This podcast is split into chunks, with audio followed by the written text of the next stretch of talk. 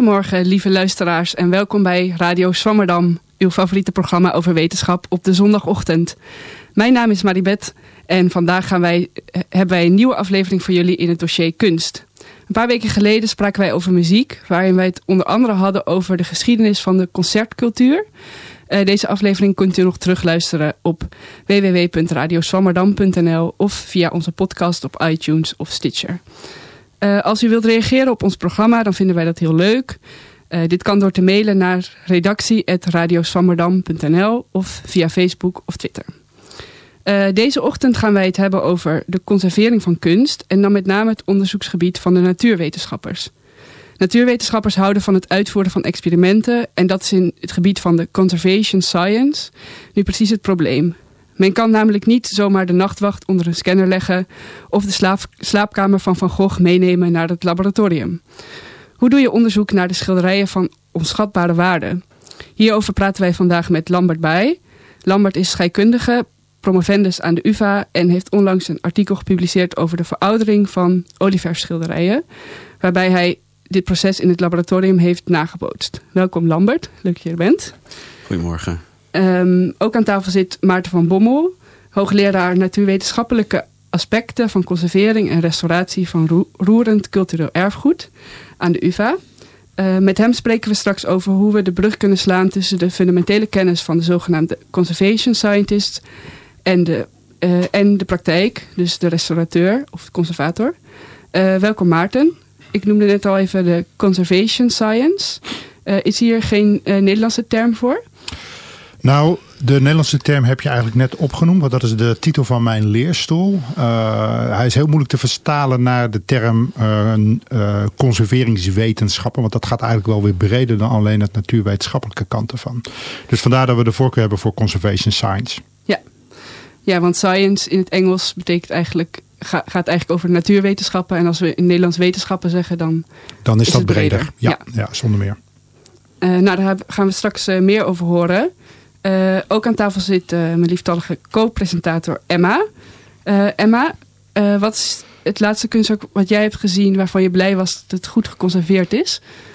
Um, ik kom uit, oorspronkelijk uit Den Haag en daar heb je Panorama Mesdag. En afgelopen jaar zijn ze bezig geweest om Panorama Mesdag schoon te maken.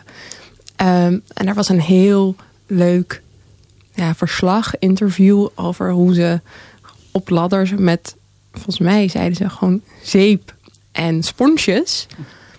Dit enorme doek van, volgens mij is het op 100 meter of zo, schoongemaakt hebben. En daar was ik dan toch wel blij mee. Klopt dat dat ze dat gewoon met zeep en sponsjes hebben gedaan? Weet jullie dat? Nou, ik ben zelf minder simpel geweest bij dat onderzoek. Maar uh, het hangt dus dan sterk af van wat voor soort verf er gebruikt is. En uh, of dat nou echt zeep is geweest. Of iets, een, een neutrale zeep. Of een uh, ander soort losmiddel. Dat weet ik zo even uit mijn hoofd niet. Weet jij het, ik, ik zou het ook niet weten. Maar het is wel zo dat er echt een hele uiteenlopende... ja, Um, schoonmaakmethodes zijn. En die worden vaak geleend ook uit de cosmetische industrie. Uh, dus het, het kan zijn dat er wel een soort zeep is gebruikt, maar dat, dat weet ik niet precies. We gaan het straks uh, verder, verder hebben over uh, schilderijen. tot slot zit nog aan tafel Bart van Heerlijkhuizen, socioloog en onze vaste columnist. Goedemorgen, Maribeth. Kun je vast een tipje van de sluier oplichten over je column? is, kan je reproductie van sommige kunstwerken beschouwen als een conserveringsstrategie? Hmm, Oké, okay. spannend. Daar kunnen je vast even over nadenken. Um, we gaan uh, naar Lambert bij. Uh, Lambert, jij doet uh, een promotieonderzoek bij de UvA als scheikundige. Maar je bent ook verbonden aan het Rijksmuseum. Ja, uh, sterker nog, ik, ben eigenlijk, ik word eigenlijk betaald door het Rijksmuseum. Okay. En ik werk bij de UvA in het lab van de UvA. En ook wel in het lab van het Rijksmuseum zelf. Hm. Daar hebben we namelijk ook wel goede onderzoeksfaciliteiten bij het Rijksmuseum. Ja. Dus die combinatie is eigenlijk wel uh, een belangrijke, die, die ook wel bijzonder is denk ik. Omdat ja, er zijn gewoon niet zo heel veel musea die echt zo, zoveel onderzoek doen als het Rijksmuseum bijvoorbeeld. En is dat ook een unieke positie om als scheikundige in de kunstwereld te, te zitten? Nou, ik, wat ik zelf in ieder geval heel leuk vind aan, aan uh, deze positie is dat, dat ik een directe link heb met de praktijk. Dat ik bijvoorbeeld ehm, kan praten met restauratoren over de problemen die ze hebben in het schoonmaken van een schilderij. En kan meedenken over oplossingen of waarom bepaalde manieren om het schoon te maken niet werken in een bepaald geval. Um, nou ja, gewoon het, het, nadenken over eigenlijk praktische uh, problemen, maar dan wel zoeken naar wat daarachter zit uh, op chemische aspecten daarvan. En ik denk dat dat heel leuk is. Je hebt dat natuurlijk ook wel een beetje als je bijvoorbeeld. Um, of niet een beetje, maar je, je, hebt dat ook als je in de industrie werkt. Dan werk je ook aan een concreet probleem. Maar voor mij spreekt het gewoon veel meer tot de verbeelding als ik daadwerkelijk naast een schilderij met iemand sta en praat over problemen die ik daar zie. Ja, maar je hebt ook veel minder toegang, zoals ik net al in, in de inleiding zei, uh, tot die objecten, denk ik, dan in de industrie. Je kan niet zomaar uh, zo'n schilderij onder de scanner leggen. Nou, uh, dat, daar zaten we dus net al een beetje over te grijnzen. Want er zijn wel degelijk scanners die je op een schilderij kan leggen. En die, die worden ook... dat is wel interessant, want over het algemeen worden ja, nieuwe analytische technieken natuurlijk eigenlijk niet uh, voor, voor kunst ontwikkeld, maar meer voor, voor industriële toepassingen. Maar we zien nu ook wel dat er echt specifiek voor, voor grote schilderijen uh, bepaalde frames gemaakt worden waar je uh, bijvoorbeeld een XRF-scanner op kan zetten. Dus dat is eigenlijk het maken van een map van de elementaire compositie van een schilderij. Kan je dan op die manier uh, in kaart brengen. En dat, dat wordt dan dus uh, ja, gewoon naar de studio gebracht. En dan kan je een, echt een, een volledig uh, schilderij in kaart brengen qua compositie. En ik heb al mensen horen, hoe moet je dat noemen? Eigenlijk een beetje uh, opscheppen over uh, hoe groot oppervlak ze al hadden gemapt.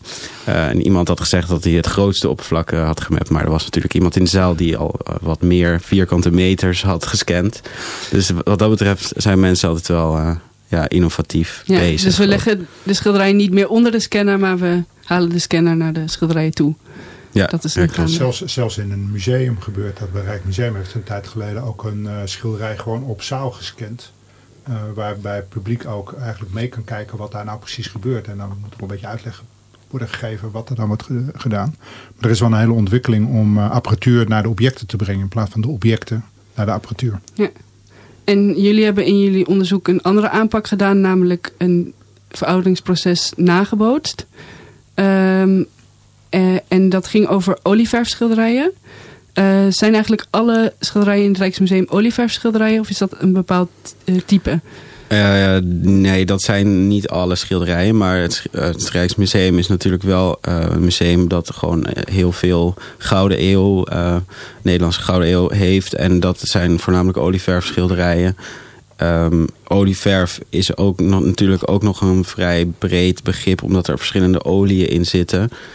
Um, maar ja, olieverf is voor ons een heel belangrijk, uh, uh, voor, zeker voor ons als Nederlands, uh, wat wij hebben, is, is dat heel belangrijk om olieverf goed te begrijpen.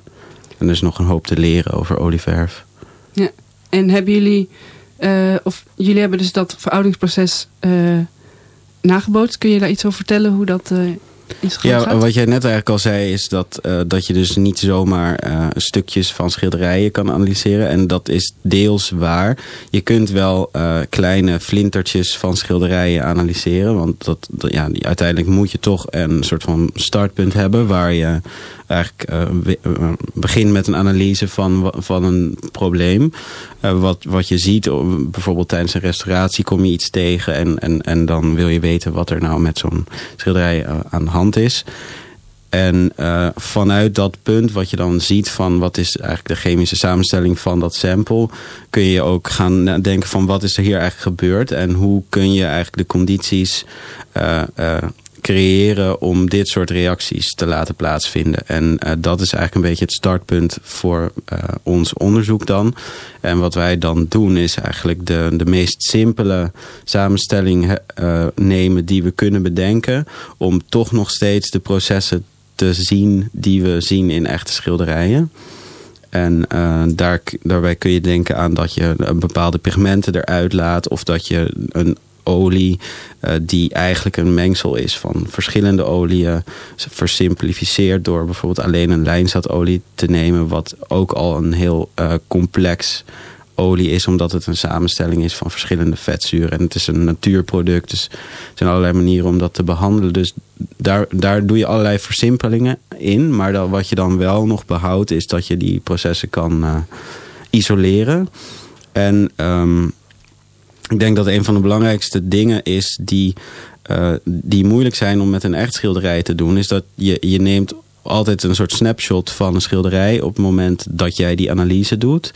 En dan weet je eigenlijk niet hoe dat proces in zijn geheel verlopen is. Dus je weet niet hoe, hoe het daarvoor was en hoe het verder zal gaan. En um, de uitdaging is dan om uh, op zo'n modelsysteem, want dat is hoe we die dingen noemen, uh, ja, dat hele proces eigenlijk te bestuderen. Dus vanaf het moment dat je een pigment en een olie mixt, totdat er een bepaalde degradatie is opgetreden die je ook herkent in een echt schilderij. En dat als je dat hele proces uh, kan meten, dan kan je ook gaan uh, denken van wat is nu van invloed op dat proces en uh, welke factoren zijn er belangrijk om bijvoorbeeld te, stel je gaat zo'n schilderij schoonmaken of überhaupt hoe veroudert het nou, wanneer ver, ver, veroudert het sneller en wanneer minder snel. En, en in dat proces hebben jullie dus nagebootst, maar heel erg versneld. ja, want hoe, wat, hoe wat, hebben jullie dat gedaan? Wat je eigenlijk um, wat je eigenlijk wil is natuurlijk uh, processen die eigenlijk uh, honderden jaren kunnen duren, wel alsnog snel meten. Want uh, ja, daar, daar zijn we uiteindelijk hebben we niet genoeg tijd voor. Dus we willen, we willen dingen snel weten, maar we willen niet dat het dan niet meer lijkt op het echte proces. Dus dat is natuurlijk de grootste uitdaging. En um, nou, hoe je, hoe je dat dan uh, zo voor je kan zien is eigenlijk dat, dat er we weten al een aantal dingen over, uh, over reacties in verf. En uh, we weten dat bepaalde aspecten daarvan, een bepaalde concentratie van vrije vetzuren of uh, de aanwezigheid van water in, uh, in de atmosfeer, dat die een heel belangrijke invloed hebben. En wat we dan doen is gewoon die concentraties heel erg hoog maken. Um, en te kijken hoe dat, hoe dat proces dan varieert. En dan, uh, dan, ja, dan, krijg, dan neem je dus eigenlijk een stapje terug. Je gaat eigenlijk weg van de echte situatie. Maar je krijgt wel puur zo'n proces te zien. En daar krijg je wel hele interessante informatie over, uh, over zo'n proces. En hoeveel sneller gaat het proces dan? Of hoe, hoe, hoe, over nou, welke tijdstuur ja, het is, hebben we het het dan? is moeilijk te zeggen in, in hoeverre je dat echt direct kan vergelijken in tijd.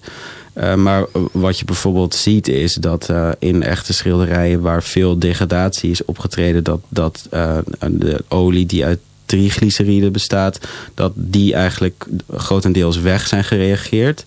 En in uh, modelsystemen in het lab lukt dat ons soms ook wel in twee weken. En terwijl dat gebeurt ook nou ja, over honderden jaren vaak. Ja.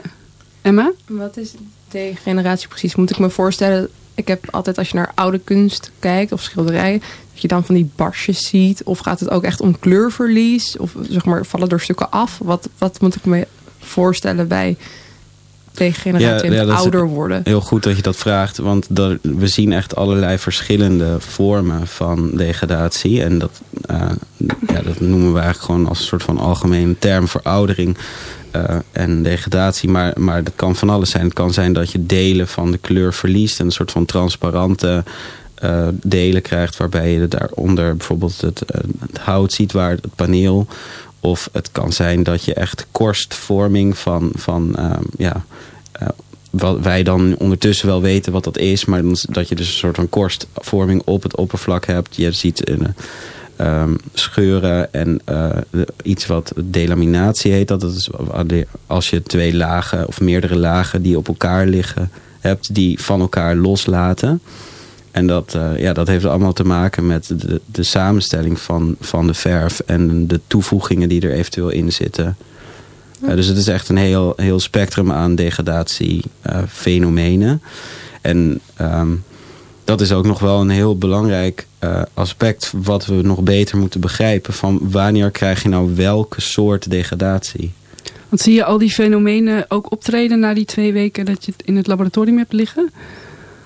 Nou ja, dat, dat zou bijvoorbeeld nooit gebeuren in een modelsysteem wat bestaat uit één laag. Zou je natuurlijk nooit twee lagen vormen. Want twee lagen is in, zo, zo'n echt schilderij is dat ook echt bijvoorbeeld twee lagen met verschillende pigmenten erin. En twee andere kleuren die over elkaar heen liggen. En die hebben gewoon echt een andere eigenschap, waardoor ze dan van elkaar zouden kunnen loslaten. Uh, we, zien, we zien wel um, iets wat metaalzeepvorming heet. Dat is eigenlijk de reactie van vrij vetzuren met, met, met uh, uh, pigment. En uh, daar, daar, daar vorm je wel diezelfde verbindingen die we ook in die korsten zien. dus dat, dat gaat best wel snel. Dat, dat zien we dan in 24 uur al wel heel significante hoeveelheden daarvan. En um, dus het zijn wel dezelfde processen. Alleen in, in schilderijen gaan, gaan die processen zoveel langzamer dat je ook kan voorstellen dat bepaalde paden om het te vormen uh, favoriet zijn eigenlijk. En dat, dat kunnen wij nu nog moeilijk reproduceren. Dus het is nog niet zo dat we alle soorten uh, degradatie ook zien. En uh, wat is dan, wat hebben jullie ontdekt in jullie onderzoek waar je, wat je niet had verwacht? Of hebben jullie precies ontdekt wat je had verwacht? Ik denk dat we in zekere zin uh, ook wel een aantal lang openstaande vragen... waarvan mensen eigenlijk gewoon een heel sterk vermoeden hadden... hebben bevestigd um, en uh, daadwerkelijk gemeten. Uh, dus in die zin hebben we niet volledig nieuwe informatie... behalve dan dat, dat we het nu wel echt zeker weten. Uh, bijvoorbeeld dat er ook van hele kleine hoeveelheden water al een significante invloed is op de snelheid van vorming van dat soort metaalzeepen. Of um, we hebben dingen ontdekt over dat uh, pigmentdeeltjes ook direct kunnen reageren uh, met vrij vetzuren. Um, over, over de netwerkstructuur hebben we dingen ontdekt. Want het is eigenlijk gewoon een Um, je moet je voorstellen, zo'n olieverf is eigenlijk een polymeer. Dus dat wil zeggen, het, is eigenlijk, het zijn allemaal vertakte ketens die aan elkaar vastzitten. En dat vormt een soort van netwerk. En dat, dat netwerk, daarin zitten pigmentdeeltjes. En um, ja, dat, dat netwerk is gewoon een heel complex geheel... waar, waar we nog ontzettend veel over kunnen leren eigenlijk. En jullie... Ik denk het feit dat je een aantal dingen hebt kunnen bevestigen waar al wat langer ideeën over waren, dat dat echt wel een, uh, een belangrijke vooruitgang is.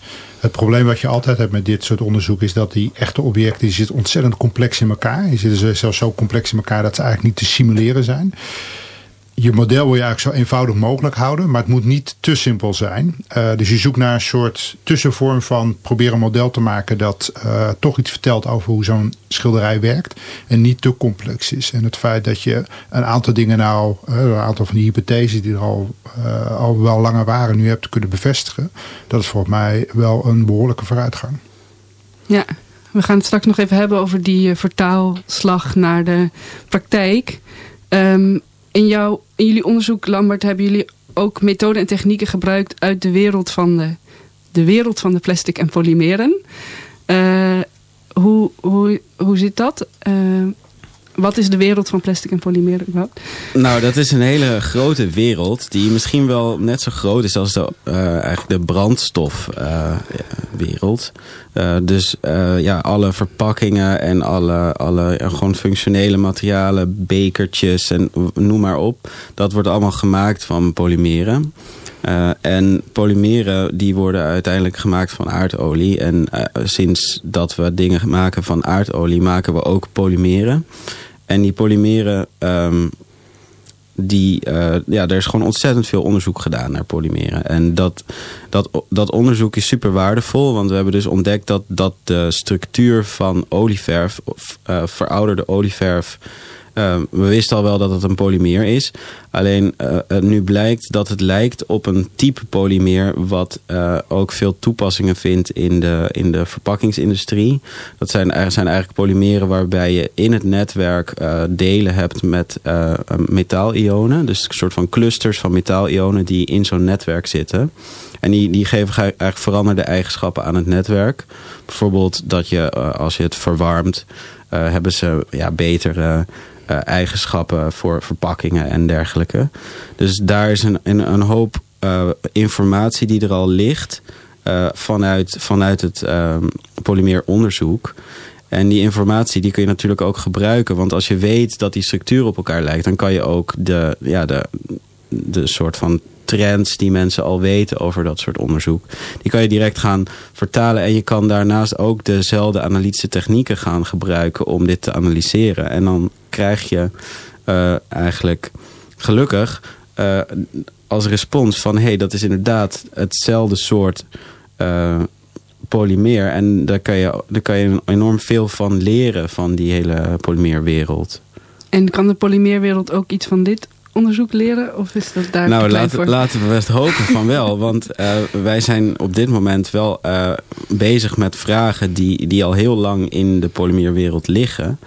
Uh, en als wij dit gaan oplossen, dan hebben zij daar echt wel een hoop aan. Want dan, het is bijvoorbeeld niet helemaal bekend hoe die metaalionen dan in zo'n netwerk zitten.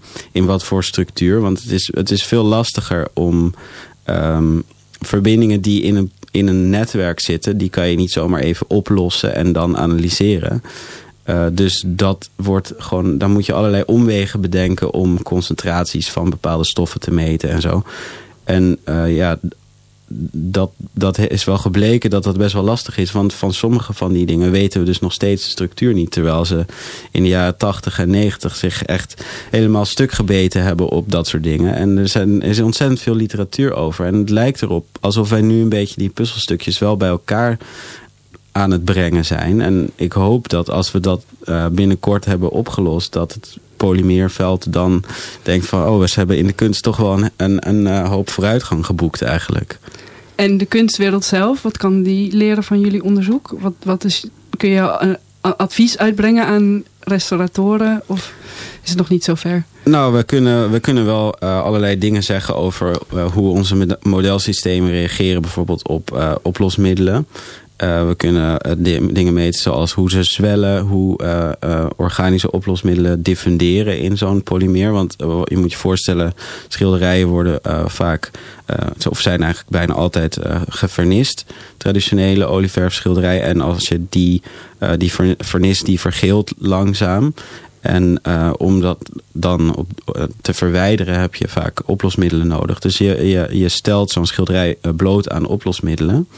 En wij willen graag weten wat heeft dat nou precies voor effect op de structuur van de olieverf. En hoe diep gaat zo'n oplosmiddel nou eigenlijk erin. En hoe snel gaat dat dan. En hoe is dat afhankelijk van het type oplosmiddel. En hoeveel zwelt dat je netwerk. En is dat dan uh, gerelateerd aan, uh, aan elkaar. Diffundeert het snel als het veel zwelt of juist niet. En nou, dat zijn dingen die we wel hebben gemeten en die we nu ook uh, gaan publiceren. En ik denk dat dat wel heel waardevol is. Um, niet alles is nog nooit gedaan, maar het is wel een vrij ja, overkoepelend verhaal wat we nu hebben daarover. En dat, daar hebben restauratoren wel wat aan, ja. En als we het dan hebben over die... Um vertaling naar de praktijk, is het dan moeilijk om zulk fundamenteel onderzoek aan uh, restauratoren uit te leggen of het belang daarvan, hen het belang daarvan te laten inzien? Nou, dat, dat, de restauratoren van het Rijksmuseum zien dat belang best wel uh, makkelijk in. Die, zijn, die staan er heel erg voor open. Die zijn ook wel gewend aan, aan uh, wetenschappelijk onderzoek in hun omgeving. En die, die zullen ook uh, zelfs naar je toe komen als ze een vraag hebben over een bepaald type schilderij wat ze willen schoonmaken of wat ze willen uh, ja, analyseren. Dus wij hebben dat niet. Er is wel nog steeds die eeuwige discussie over modelsystemen versus echte systemen. Waar we het dus blijkbaar ook zo nog even over zullen hebben. Ja. Uh, en, die, en die is natuurlijk voor de praktijk altijd wel lastig, want het, het blijft een modelsysteem. En een, een modelsysteem is niet een echt schilderij. En daar moet je dan altijd een afweging in maken of je het zo erg versimpelt of dat je dicht bij de praktijk ja, houdt. Ja, klopt. En, en uh, nou hebben wij dat bij mijn directe collega's eigenlijk niet meer zozeer die discussie. Maar dat, dat, je ziet het op, op wetenschappelijke conferenties in het veld nog steeds wel af en toe terugkeren. Dat mensen toch wel zoiets hebben van ja, maar je hebt nu wel dit en dat en allemaal gemeten. Maar dat is allemaal niet op een echt schilderij. En dat is wel waar. En um, daar moeten we natuurlijk ook wel iets mee. Maar nou, dat, daar hebben we ook een hele goede reden voor. Want dan kunnen we namelijk die processen goed bestuderen. En dat is super waardevol, denk ja. ik. Maar is het dan zo dat in vervolgonderzoek uh, je een complexere... Uh, een complexer modelsysteem zou kunnen maken wat ja, dichter bij de ja, praktijk dat is, dat is inderdaad wel zo. Dat, uh, dat modelsystemen... Um, kijk, als je scheikundige bent, dan, dan werk je het liefst gewoon met uh, één of twee pure dingen. Uh, die je in een bekende hoeveelheid met elkaar mengt. Uh, in een omgeving waarvan je weet dat er niks mee verandert. Of precies alleen maar dat wat jij wil dat er verandert. En dat kan je dus niet doen met een schilderij. Dus je begint gewoon gedwongen al ingewikkelder dan de meeste scheikundige experimenten. En dat moeten we dan nog steeds maar ingewikkelder en ingewikkelder maken om dichter bij een schilderij te liggen. Maar dat, dat doen we wel degelijk. We zijn bijvoorbeeld begonnen met modelsystemen waar we zonder pigment hebben gewerkt. En nu werken we wel met pigmenten. En we kunnen ook uh, eventueel nog denken aan toevoegingen of ander soorten pigment. Um, uh, ja, van allerlei, van allerlei factoren kunnen we veranderen. Ja. Oké, okay, we gaan het uh, straks nog even verder hebben over die uh, modelsystemen. Het is tijd voor de column van Bart. Ja. Uh, wil je er nog iets over zeggen of wil je gewoon beginnen? Nee hoor, ik begin maar meteen. Okay. Ik begin maar meteen. Stel dat ik in deze aflevering van Swammerdam, die is gewijd aan het restaureren en conserveren van kunstwerken, zou zeggen dat een van de oplossingen is om het kunstwerk te verbannen naar een goed geconditioneerde kluiskamer en een reproductie ervan in het museum op te hangen dan is de kans groot dat de luisteraar denkt dat hier een greep wordt gedaan in de columnistengereedschapskist. Relativeert de zware kwestie met een sarcastisch grapje. Maar nee, ik meen het echt. Dit is precies wat er gebeurt met kunstwerken die tekenen vertonen van veroudering, bijvoorbeeld in het Stedelijk Museum of in het Van Abbe Museum. Ik moet er wel meteen bij zeggen dat het hier kunstwerken betreft van beroemde fotografen uit de 20e en 21e eeuw. Maar dat maakt deze praktijk niet minder controversieel en merkwaardig. Het gaat als volgt. Een beroemde fotograaf, zo iemand als Jan Dibbes, Wout Berger, Rieneke Dijkstra, heeft een foto verkocht aan een museum. De kunstenaar heeft alles op alles gezet om een state-of-the-art kleurenafdruk te vervaardigen die de tand destijds hopelijk zal doorstaan. Laten we aannemen dat het is gebeurd in 1990. Een kwart eeuw later, dus in 2015, ontdekte fotograaf met ontzetting dat de afdrukken die hij maakte in 1990 in die 25 jaar, ondanks alle toenmalige inspanningen, een beetje anders van kleur zijn geworden. Hij vraagt aan het museum: mag ik mijn foto uit 1990 even komen controleren? Samen met de conservator inspecteert hij zijn eigen werk en tot zijn grote schrik stelt hij vast het is nog erger dan hij al vreesde. Er is een rode gloed over zijn kunstwerk neergedaald. De diepblauwe hemel heeft iets van een avondlucht. Het groene gras oogt een beetje dor. De subtiele balans in zijn kunstwerk is fundamenteel verstoord geraakt. De kunstenaar bezweert de museumdirecteur dat deze foto nooit, maar dan ook echt nooit meer mag worden geëxposeerd. Maar hij weet het goed gemaakt. Hij zal het museum een nieuwe afdruk leveren. Als het museum de materiaalkosten op zich neemt, zal de kunstenaar geen extra beloning vragen voor zijn arbeid. Dit is een erekwestie. De kunstenaar gaat aan de slag. Hij combineert analoge en digitale technologieën. Hij laat zijn oude analoge negatief met de modernste apparatuur scannen. Schakelt beroemde laboratoria in. Gebruikt een soort afdrukpapier dat 25 jaar geleden nog niet eens bestond. En verschijnt met een schitterende pristine version van zijn foto in het museum.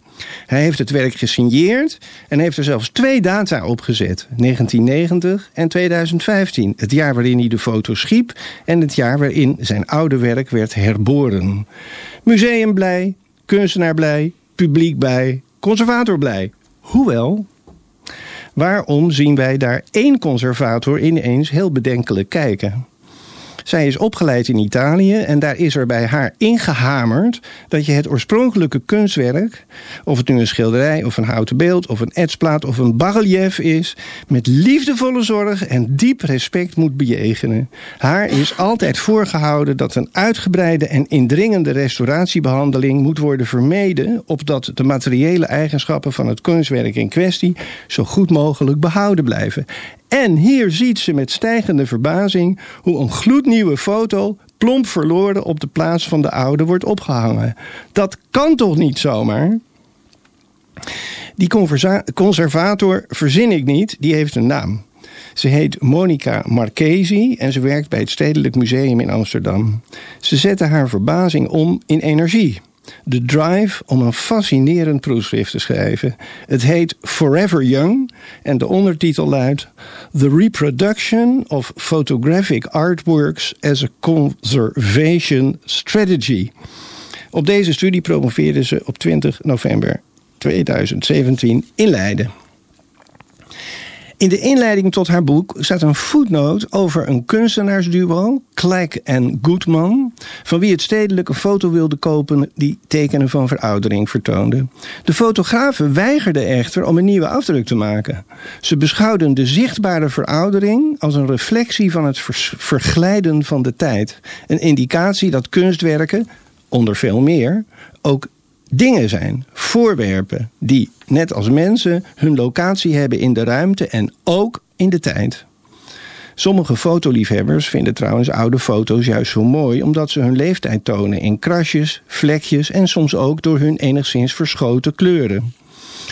Maar andere prominente fotografen die in deze dissertatie aan het woord komen, hebben een minder romantische en een meer pragmatische opvatting. Het materiaal waarop de foto is geprint zien ze niet als onvervangbaar. Niet alleen zien ze er geen been in om de nieuwe afdruk nog een beetje feller van kleur te maken dan het origineel. Soms grijpen ze zelfs de gelegenheid aan om voor een iets groter formaat te kiezen. Bijvoorbeeld met het argument dat ze het eigenlijk zo hadden bedoeld, maar dat je dat 25 jaar geleden in de donkere kamer nog niet voor elkaar kon krijgen. Waarom zou je dan niet profiteren van nieuwe technische mogelijkheden?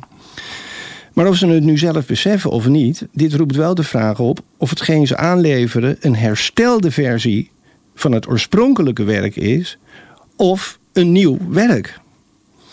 Monica Marchesi gaat, gebruikmakend van de theoretische geschriften van Gérard Genet en Carlo Ginzburg, uitvoerig in op de vraag wat nou precies de eigenschappen van een kunstwerk zijn die het zijn onvervangbare eigenheid geven en wat de toevallige extra's zijn.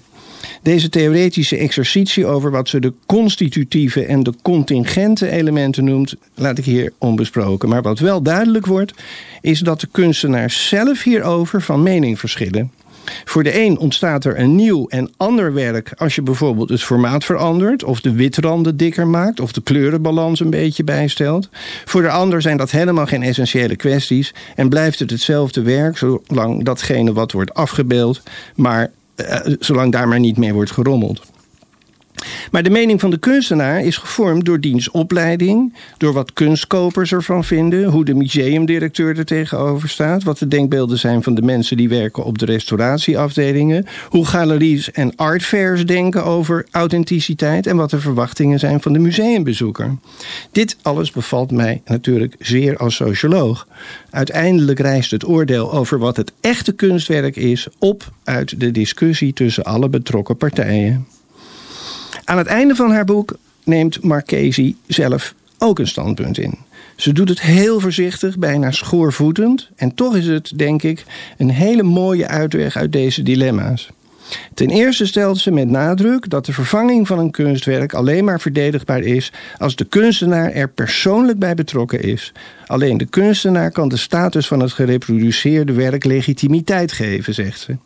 Maar dan nog blijft de vraag: wat is nou de echte foto? Is dat het origineel dat het museum in 1990 kocht en dat in de loop van de tijd beschadigd is geraakt? Of is dat die nieuwe pristine versie? Hierop zegt ze het volgende. Soms levert een fotograaf of een schilder aan een museum een plural work. Een kunstwerk dat bestaat uit een reeks schilderijen of etsen of foto's die bij elkaar horen, die een familie vormen. Het ware werk is in dat geval niet nummer 1 of nummer 4 of nummer 8. Het ware werk is de hele reeks. Wel nu, zo moet je ook kijken naar foto's waarvan een versie uit 1990, een versie uit 2015 en misschien ook nog wel een versie uit 2030 in de toekomst bestaat. Aanvankelijk produceerde de kunstenaar een enkelvoudig kunstwerk, één enkele afdruk. Maar na verloop van tijd komt daar een tweede versie bij, en daarna een derde, en in de toekomst misschien een vierde. En dan verandert dat enkelvoudige kunstwerk, a singular work, in een meervoudig kunstwerk, a plural work, een serie, een reeks. De authenticiteit van het kunstwerk resideert dan niet langer in één van de versies, maar rijst op als een soort emergent property uit al die versies samen. Enkele weken voordat ze haar proefschrift verdedigde, sprak ik op een feestje met mevrouw Marchesi. En ik weet nog precies wat ik zei toen ze me dat laatste uitlegde. Ik nam een slokje van de Prosecco en ik zei: Wow, that is deep. Bedankt Bart voor weer een prachtige column. Ik moest zelf een beetje denken aan een vriend van mij die eerste drukken spaart van boeken. En de vraag of dat dan, uh, wat daar dan de waarde van is. Want ik denk zelf dan het boek. Het gaat toch om, het, om de geschreven Precies. tekst. Maar voor sommige mensen is, ja. is zo'n object toch wel weer heel erg belangrijk. Ja. Uh, Maarten, wat denk jij hierover? Nou, ik kan me die, uh, die discussie over, uh, die plaatsvindt over, uh, over reproductie, over emulatie, simulatie, over herinstallatie, wat je vooral bij moderne kunst hebt. Dat is een discussie die al langer speelt. Ik moet zeggen dat Monica met haar ideeën om het veel meer te beschouwen als een reeks werken, dat vind ik een hele elegante oplossing. Het is goed te realiseren dat uh, inderdaad wat ze zegt van als je de kunstenaar erbij kan betrekken, is dat natuurlijk wel zeker mooi. Ik vraag me dan wel af, wat gebeurt er dan? Op het moment dat als hij dood is. Als hij dood is, inderdaad. hè, van zelfs uh, zo'n kunstenaar die uh, zelf een reeks heeft gemaakt. Uh, vanwege allerlei redenen. Die zal daar ongetwijfeld ook argumenten voor uh, gegeven hebben. Nou, dat wordt heel vaak wordt dat gedocumenteerd. Hè, want dan wil natuurlijk de restaurator of de kunsthistoricus... die wil weten van... Goh, wat is nou de beweegreden om dit werk wel te reproduceren... en dat werk niet. Uh, ja, op een gegeven moment is die kunstenaar een keer overleden. En dan is even de vraag... ga je dan door met uh, reproducties maken? Of zeg je van nee, het laatst gereproduceerde werk is het, punt, is het punt van de hele reeks? Uh, ik heb er ook geen antwoord op, maar uh, de discussie is wat dat betreft nog niet voorbij. Ja. Maarten van Bommel, je bent sinds een jaar hoogleraar natuurwetenschappelijke aspecten van conservering en restauratie van cultureel, van roerend cultureel erfgoed. wat doe je als, kun je iets vertellen over die titel?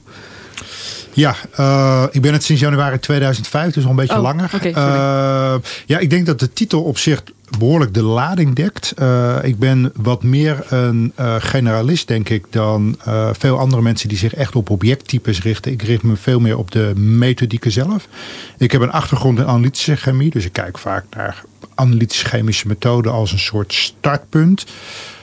maar zoals ik mijn studenten ook vaak vertel, uh, is het analytische resultaat niet zozeer het, uh, het eindpunt van het onderzoek, maar vaak een start van meer onderzoek. Dus ik kijk ook naar andere methodieken, bijvoorbeeld zoals reconstructieonderzoek. Uh, niet per se om een werk te reproduceren, maar wel om goede, interessante modellen ook weer te maken. Ja. En is er, is er een grote kloof tussen die natuurwetenschappers, zoals Lambert, die fundamenteel onderzoek doen, en, en de praktijk? Um, nou, dat is uh, moeilijk om daar zo te zeggen van er is al dan niet een grote kloof, omdat dat erg afhangt van mensen. Uh, ik heb de indruk dat met name in uh, Nederland hebben we wel een hele groep mensen die zich verenigen. en dat zijn zowel natuurwetenschappers, niet alleen chemische, maar ook mensen die, die meer vanuit de fysica kijken. die veel samenwerken met restauratoren, met, ook met conservatoren, dus met kunsthistorici. Uh, en daar is wel een, een lange traditie eigenlijk al wel, misschien wel sinds de jaren zestig, uh, in ieder geval van ver voor mijn tijd, dat die samenwerking uh, een rol speelt. Wat je wel ziet gebeuren is dat elke keer de, het veld ontwikkelt zich. Er komen nieuwe mensen bij, nieuwe expertises bij. en die moeten ook een beetje begrijpen vanuit hun eigen achtergrond wat de achtergrond van een andere inhoudt. We hebben het heel vaak over het soort taal dat je samen zou moeten begrijpen. Een taal die je moet spreken die taal die ontwikkelt zich continu. En elke keer als er een nieuw iemand bij komt, moet hij die taal leren. Herken je dat, Lambert? Dat uh, het moeilijk is om een gemeenschappelijke taal te spreken? Of hou je daar niet zo mee bezig? Nou ja, zeker wel. Ik, hou, um, ik geef natuurlijk ook wel eens presentaties voor een publiek dat eigenlijk helemaal geen chemische of natuurwetenschappelijke achtergrond heeft. En dan beperk ik me eigenlijk vaak, uh, of ik beperk me niet, maar ik, ik leg het eigenlijk meer toe op, op um, uh, grafische weergaven van, van de resultaten en echt de conclusies. En uh, niet zozeer op de methode en, en de achterliggende chemische processen, omdat die zijn wel heel belangrijk, maar uiteindelijk voor de praktijk. Als je gewoon iets wil restaureren, dan heb je dat niet altijd nodig. Dus die taal is... Ik vind dat zelf juist heel leuk om, om dat op die manier te vertalen. Als het ware, ja. Dus je zou het een soort van vertalen kunnen noemen. En uh, dat, dat is niet... Ja, het is de uitdaging, maar ik vind, ik vind het niet moeilijk. En uh, in je... Maarten, in je oraties zei je onder andere... dat je niet zo houdt van de zin meten is weten. Uh, hoe komt dat? Nou, ik heb lang gedacht dat dat een, uh, een, uh, een, een, soort vaste uitspraak was. maar dat bleek eigenlijk bleek het uiteindelijke citaat te zijn doormeten tot weten. En die is net even ietsje genuanceerder. Meten is weten is net alsof je als het ware met een druk op de knop een meting doet. En dan heb je een antwoord. Een beetje wat je op CSI nog wel ziet. ze stoppen het monster in het apparaat en ze lopen naar de printer. En er komt een hele interpretatie uit. Nou, zo werkt het in de praktijk niet. En ik vind dat ook een van het, van het werk. Het is wel zo dat je met heel veel metingen uh, uiteindelijk meer uh, kan weten door een goede interpretatie te doen. Uh, en ook om door die interpretatie in een context te zetten. We gaan het even hebben over een van je projecten. namelijk het wrak van Texel. Ehm, in 2014, als ik het goed heb, werd er een wrak uit de 17e eeuw gevonden bij Texel. Dit bleek een zeer bijzondere archeologisch vondst te zijn. Uh, de vondst werd eerst twee jaar geheim gehouden. Uh, maar in 2016 werd het naar buiten gebracht. Uh, we gaan even luisteren naar een fragmentje van, van het NOS-journaal uit 2016. Het pronkstuk van de vondst is een Japon. En daarover gaat het in dit fragment. Er lag gewoon, het spul lag er los op de bodem. En dat, dat hebben we dus een, een deeltje meegenomen om te kijken wat het was. Want je weet niet wat het is. En als je het dan boven hebt en je denkt, het is stof. Maar dan heb je nog geen eens in de gaten dat het zo bijzonder is. En dan denk je, nou ja, het zal wel. En hebben het meegenomen naar ons eh, clubgebouwtje. En daar een beetje proberen voorzichtig af te spoelen. Want je ziet al gauw dat het heel kwetsbaar is. En dan komt er dus die mooie rode kleur tevoorschijn. En, en, en stof tevoorschijn en zo. En dan heb je pas in de gaten, denk je, ja, dit is toch wel bijzonder. Want dit hebben we nog nooit eerder gevonden. Echt niet. Wat we hier zien is een Japon. Op zichzelf lijkt dat heel eenvoudig. Maar het bijzondere is dat hij uit de 17e eeuw dateert. En niet alleen dat, hij komt ook nog eens een keer van de zeebodem... waar hij bijna vier eeuwen verborgen is gebleven. Zijn er meer kledingstukken uit die tijd die zo intact zijn? Als ze er al zijn, zijn ze mij niet bekend. Voorlopig trek ik de conclusie dat het een behoorlijk unieke vondst is. Het is niet zomaar een scheepslading, denkt u. Het is een bijzondere, hè? Dat, dat zie je hieraan. Het is een hele bijzondere scheepslading. Uh, het heeft waarschijnlijk toebehoord aan uh, iemand uit een hele hooggeplaatste familie.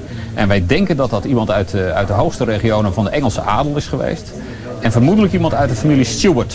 En die familie die is historisch ook goed bekend... omdat er allerlei familierelaties, huwelijksrelaties zijn geweest... met de Oranje familie uit Nederland. Wat dacht u toen u dit zag?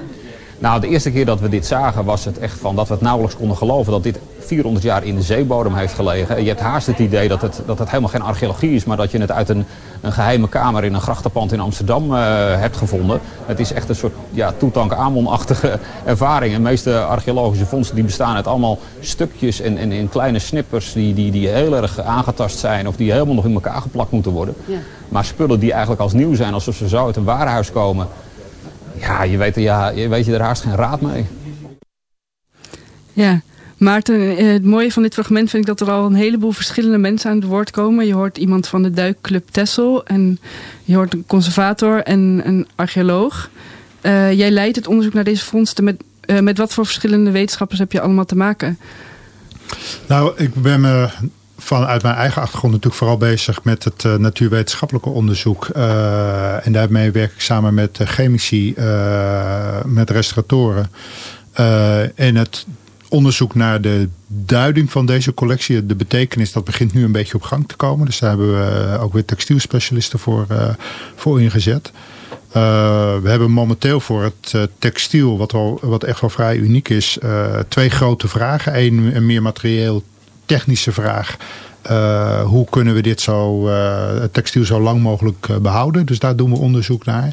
En de tweede onderzoekslijn is wat ik net al zei, is dat we inderdaad willen weten van wie is dat textiel nou eigenlijk? En niet zozeer een persoon, dat zou op zich misschien wel een leuk qua anekdote zijn, maar veel meer wat de functie van dit textiel is. En welke regionen moeten we inderdaad echt aan hoge, adel denken of aan welgestelde kooplui misschien?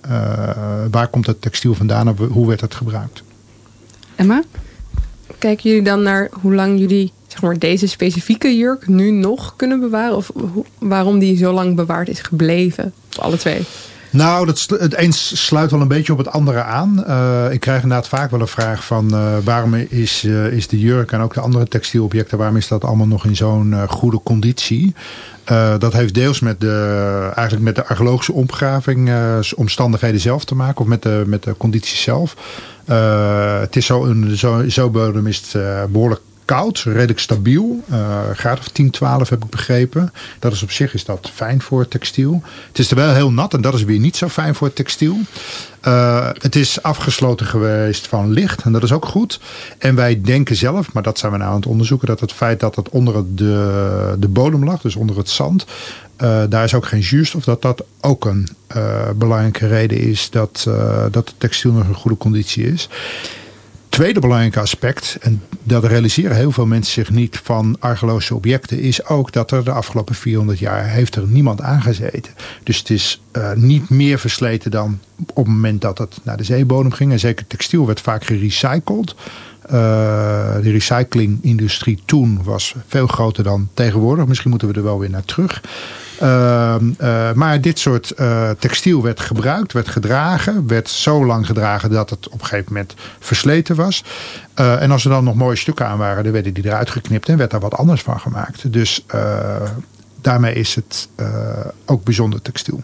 En die, um, wat jullie dan vinden over hoe het geconserveerd is gebleven 400 jaar lang, geeft dat ook weer aanleiding tot de manier waarop je het nu gaat conserveren of staat het los van elkaar? Ja, we weten op zich dat uh, textiel heeft altijd wat te lijden van uh, licht, temperatuur en van de hoeveelheid vocht in de lucht. Uh, dat zijn ook parameters die we redelijk kunnen controleren. Het is wel zo, hoe strenger je het controleert, hoe moeilijker het wordt om dat goed te gaan doen. Waar we nu extra naar aan het kijken zijn, is de rol van zuurstof. Uh, het is wel bekend dat zeker de kleurstoffen die uh, gebruikt zijn, dat die uh, afbreken onder invloed van uh, zowel licht als zuurstof. Als je het licht dan weghaalt, dan zou je in principe dat degradatiemechanisme moeten stoppen. Alleen dan kan je je object niet meer zien. Dus dat is voor een tentoonstelling misschien wel wat lastig. Nu is de gedachte van wat gebeurt er nou als we het zuurstof weghalen. En daarbij zijn we niet alleen naar de kleurstof aan het kijken. Want dat is redelijk bekend eigenlijk. Uh, maar zijn we vooral aan het kijken naar uh, het textiel zelf. Dus de drager zelf. Heeft dat zin om uh, bij textiel dat al zo oud is, een, misschien wel een vitrine te bouwen uh, waar we het zuurstof vervangen door een inert gas. En daar zijn jullie nu mee aan het experimenteren? Ja, ja we zijn ook begonnen met, uh, eigenlijk net zo een beetje vergelijkbaar met Lambert, met eerst maar met modelstudies, dus moderne textiel, het is allemaal zijde, dus dat is relatief makkelijk. hebben we geverfd met verschillende kleurstoffen, hebben we al op verschillende manieren verouderd, met en zonder zuurstof. Nou, dat lijkt nu er goed uit te zien.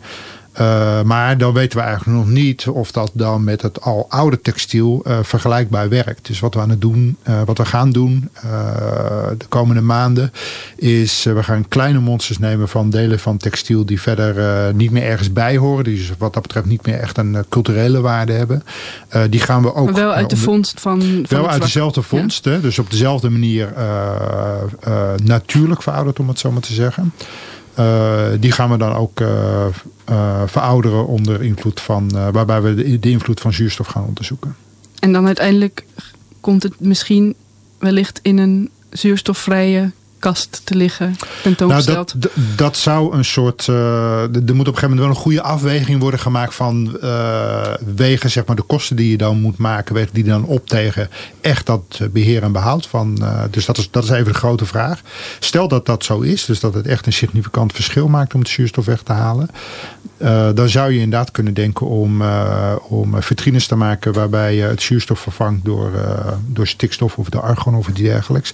Het is wel goed te realiseren dat dat soort vitrines zijn niet per se.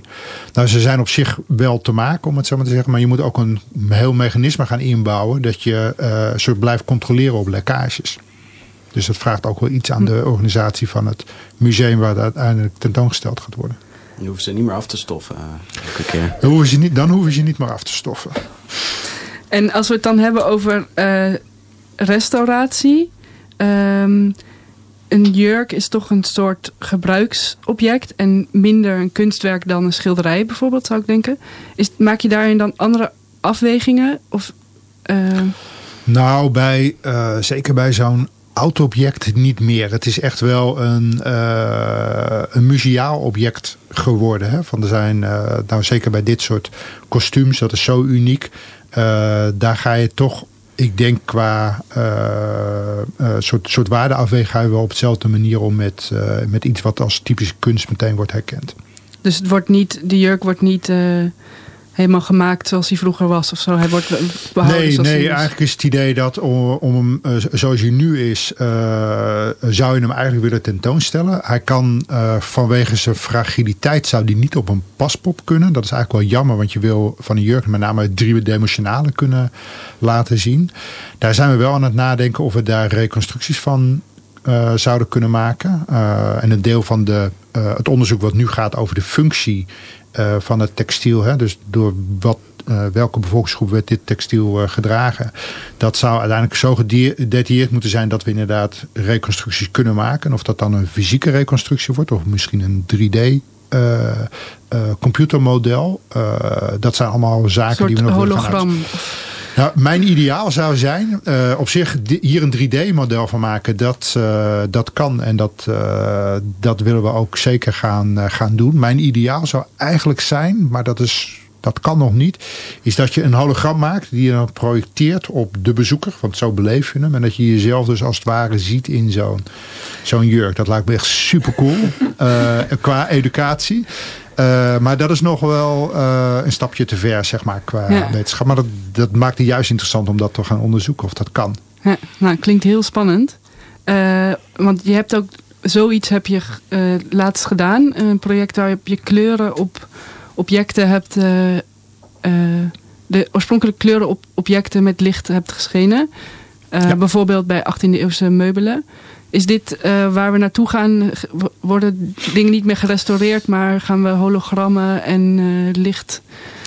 Nou, het zou, uh, het zou niet een ten koste gaan van. Het zou wel een, een, een extra, uh, ja, echte restauratietool is het niet. Het is, het is meer een soort instrument waarop je een soort visualisatie maakt. We hebben dat vooral uh, veel tot nu toe met meubels gedaan. We hebben ook al gekeken naar, uh, waarbij we zeg maar eerst natuurwetenschappelijk onderzoek doen om te kijken van wat voor kleuren zou het gehad uh, moeten hebben. Uh, daarbij kijken we ook naar reconstructieonderzoek. We gaan historische bronnen bekijken. Uh, en vervolgens projecteer je bijvoorbeeld via een beamer de kleur weer op een, op een object. En dat heeft eigenlijk voor mij twee uh, redenen. Ten eerste is het voor mijzelf om te zien van oké, als je nou een bepaalde kleur hebt, wat betekent dat dan voor het object? En het is ook voor de vraag van hoe goed zitten we nou eigenlijk met die kleur? Hoe goed hebben we dat kunnen reconstrueren? Maar het heeft ook wel een educatieve uh, werking, want je kan op zo'n manier op een buitengewoon reversibele manier, wat in restauratie wereldbelangrijk is, een object als het ware weer een ander uiterlijk geven en dat ook aan museumpubliek laten zien. Dus met reversibel bedoel je dat je dat ook gewoon, je kan die knop weer gewoon uitzetten en dan. Ja, je kan de knop uitzetten. Terwijl als je een meubel bijvoorbeeld opnieuw in de verf zou zetten, dan uh, dringt dat zo ver in het hout. Dat is dan niet meer te corrigeren. Dan zou je het hout moeten gaan afschuren. Dat wil je natuurlijk niet, uh, niet gaan doen. En stel nou dat we toch met ons onderzoek uh, net even de verkeerde kleur hebben. Dus dat het ietsje lichter of ietsje donkerder moet. En je hebt die verf aangebracht. Dan heb je eigenlijk een stap gemaakt die gewoon niet meer terug te draaien is. En dan verlies je eigenlijk ook, dat slaat al aan bij die column. Dat, dan verlies je zeg maar die oorspronkelijkheid van uh, en dat natuurlijke uh, verouderde uiterlijk van dat object ben je dan kwijt. Doe je dat met licht, is het. Uh, we hebben dat zelfs bij het Amsterdam Museum gedaan, waarbij we een object laten zien in normaal licht en in ge, gekleurd licht, dus geretoucheerd met licht. Hebben we gewoon een loop ingezet, zodat je dus beide uiterlijke kan zien. Ik heb wel eens in Frankrijk, ik geloof in Amiens dat dat ja. was, dat ze de kathedraal, de voorzijde van de kathedraal uh, in kleur zetten hè, met laserlicht. En dan zeggen, kijk zo zagen die beelden eruit in de tijd dat de kerk werd opgeleverd. Is dat zo? Ja, ja ik ben er zelf nooit geweest. Uh, ik weet, uh, maar dat gebeurt vaker. We zijn zeker niet de eerste die uh, retoucheren met licht. Eigenlijk is een collega van mij, Sanneke Stichter, heeft daar vroeger een fotowerk ook weer mee geretoucheerd. Dus dat is wel mm -hmm. interessant aansluit op je column. En ik weet dat bijvoorbeeld bij het Allard Pearson Museum, daar staat volgens mij nu nog een klein Romeins beeldje waarmee je zelf als het ware digitaal uh, de kleuren kan, uh, ja, kan wat projecteren. mij toen in Amiens opviel, dat was dat het deel uitmaakte van een groot toeristisch ding. Dus er dropen verf naar beneden en er werden duivels geprojecteerd. En een van de vele grappen die ze dan deden was... en dit is zoals de gevel eruit moet hebben gezien uh, destijds. Dus het was, het was eigenlijk een soort van Disney-gedoe. Maar een onderdeeltje daarvan was inderdaad een reconstructie van die gevel in de kleuren zoals het er misschien wel heeft uitgezien toen hij werd opgeleverd. Ja. Ja, de Disney-gedoe, daar ben ik nou niet meteen meer voor. Maar goed, daar ben ik dan misschien weer te veel natuurwetenschapper voor. Van, ik vind wel, wel een dat je wetenschappelijke het, achtergrond Ja, hebben. ik vind dat je het goed wetenschappelijk moet onderbouwen wat je laat zien. Misschien dat ze door de Disney-gedoe uh, de financiën rondkregen. Nou, dat zou natuurlijk kunnen. Maar we, we, we, hoeven er niet, we gaan er niet naartoe dat we straks alle schilderijen in het Rijksmuseum met licht projecties maken zoals ze ooit waren. Nee, ik, dat zou ik wel heel rigoureus vinden. Uh, ook omdat uh, objecten horen er ook wel uit, oud uit te zien. En op het moment dat je dat volledig her, ongedaan maakt, die veroudering... Uh, dat doet ook wat met de belevingswaarde van een object. En niet per se in positieve zin. Ja. Nou, het is alweer, we zijn alweer bijna aan het einde gekomen van uh, dit programma. Uh, we hadden het vandaag over dilemma's en oplossingen in het vakgebied van de conservation science. Aan tafel zaten Lambert Baai, dankjewel voor je komst. Ja, graag gedaan. En Maarten van Bommel, bedankt. Graag gedaan. Um, onze columnist was vandaag weer Bart van Heerlijkhuizen. Dank voor je mooie column en bijdrage. Uh, achter de knoppen zat uh, Sander en mijn uh, lieftallige co-presentator was Emma van Venen. Later vanmiddag kunt u de hele uitzending nog terugluisteren via onze website www.radioswammerdam.nl of via onze podcast op iTunes, Soundcloud of waar je dan ook je podcast luistert. like ons op Facebook en volg ons op Twitter, Instagram en wil je reageren op deze uitzending, dan stuur dan een mailtje naar redactie.radioswammerdam.nl. Uh, volgende week zit hier Aafke en gaat de uitzending over verhalen uit de grond. Uh, mijn naam is Maribeth van Egmond. U luisterde naar Radio Swammerdam en we wensen u voor nu een fijne zondag.